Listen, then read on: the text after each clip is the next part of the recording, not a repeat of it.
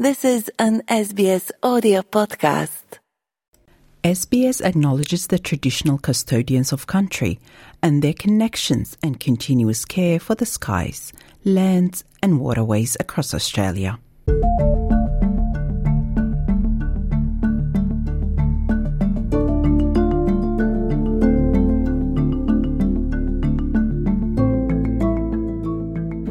Hello, and welcome to this episode of The Settlement Guide, a series where we help you navigate life in Australia. Whether you arrived today, have been living here for years, whether you were born in Australia, or planning to move here shortly, this series is for you. My name is Rosa Germian, and today we explore the requirements when moving interstate.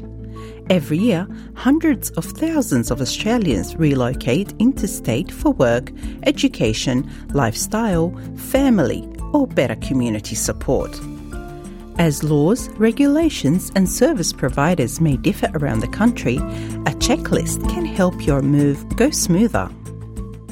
Australia is a federal nation, so all of the states have different systems, services, and laws. So let's get started. The number of people moving interstate is on the increase, and people who were born overseas are more likely to move internally than Australian born, according to the Australian Bureau of Statistics. Settlement in a new country involves a significant process of adjustment, so moving interstate can mean settling twice. Public Affairs Manager at settlement services provider AMES Australia, Laurie Nowell says migrants need to revisit the steps they took when they first arrived. Australia is a federal nation, so all of the states have different systems, services, and laws. So many of the things that migrants have arranged when they first arrive in Australia in one of the states probably need to be arranged again when they move interstate. Your moving checklist should include registering your change of address with government departments, banks, your state or territory transport authority, and other service providers. Mr. Nowell says most changes can easily be done online. Firstly, and probably most obviously, there's the change of address. People need to change their addresses, and, and not just for their friends, but maybe you know with their bank, maybe with Centrelink if they're receiving some sort of payment if they're on a particular visa, it may require that the immigration department um, are informed of the new address. Medicare needs to know of your current address, and that's true for anyone. So it's, it's also worth thinking about leaving a forwarding address from your old residence as well, so that your mail catches up with you. Pallavi Taka settled in Sydney when she arrived from India, but she then moved to Melbourne for a career opportunity. She recommends having a moving budget to avoid financial surprises. Since it was a big move from one state to another, it was important to have a budget in mind uh, when it comes to moving. We spent around $10,000 on this moving uh, sometimes we just don't give that much importance to budget, but it is important. Given that every state and territory has its own rules and regulation regarding motor vehicle registration and driver license, you will likely need to convert or transfer these documents, and doing so may attract some fees. Obviously, you also need to change your driver's license, and most states offer you about three months to do that. And speaking of transport, obviously the road rules are different in each state. Victoria is particularly unique because of a number of trams that are on the road. So it's worth finding out about the you know particular local road rules.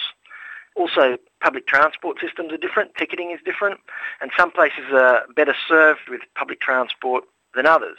Voting is compulsory in Australia. Every time you move, you must update your address on the electoral roll, or your name could be removed and you will be unable to vote. Mr. Nowell says the Australian Electoral Commission offers different options to update your enrolment details. You probably need to inform the Australian Electoral Commission of your move, and then when you reach the new state, you need to enrol in that state to be able to vote technically it's compulsory to vote. You know, you can be fined if you don't, you know, enrol when you're eligible to. Australia has a national curriculum, regardless of where you live or what kind of school you attend. However, Laurie Nowell from AMES suggests doing your research can help you with enrolment as school terms, certificates, and subjects vary. If you have kids or even if an adult is involved in training or education, it's worth knowing about you know, the system in the particular state you're moving to. For instance, schools in different states have different term and holiday times. They offer different subjects and courses, so it's worth um, getting your head around that. Pallavi Takar also recommends checking with your insurance companies before making the move, as premiums and service providers can differ from state to state. We realize that the insurance company, the health insurance, charge more because of the Victorian laws and regulations. You need to check all your providers who are operating in one state whether they are able to give you the same in the other state as well because state to state uh, services differ and uh, the operators differ. Some migrant families look to join cultural community groups to connect with support networks and ask for guidance about their new place of residence. Mr. Carr says she found social media platforms useful to get practical advice. So basically, I posted my query on Facebook, and people were nice enough to come out with a lot of suggestions. And it was most important for us that we are close to city, so going to you know very far suburbs was ruled out. Apart from community forums, Mr. Nowell says settlement service providers and migrant resource centres can also assist government has a uh, translation and interpreter service that's available and free to people. That's also accessible online. And if you approach local migrant resource centres or organis- organisations like AMES in, in Victoria, they can help you with these issues. It's important to remember that Australia has some of the strictest quarantine laws in the world, and these also apply when moving interstate. It's recommended to leave behind plants, animal products, and agricultural equipment which may be banned. For more information, check out the Australian Government's Interstate Quarantine website. Thank you for listening. This episode of The Settlement Guide was written and produced by Harita Mehta and edited by me, Rosa Germian. Until next time.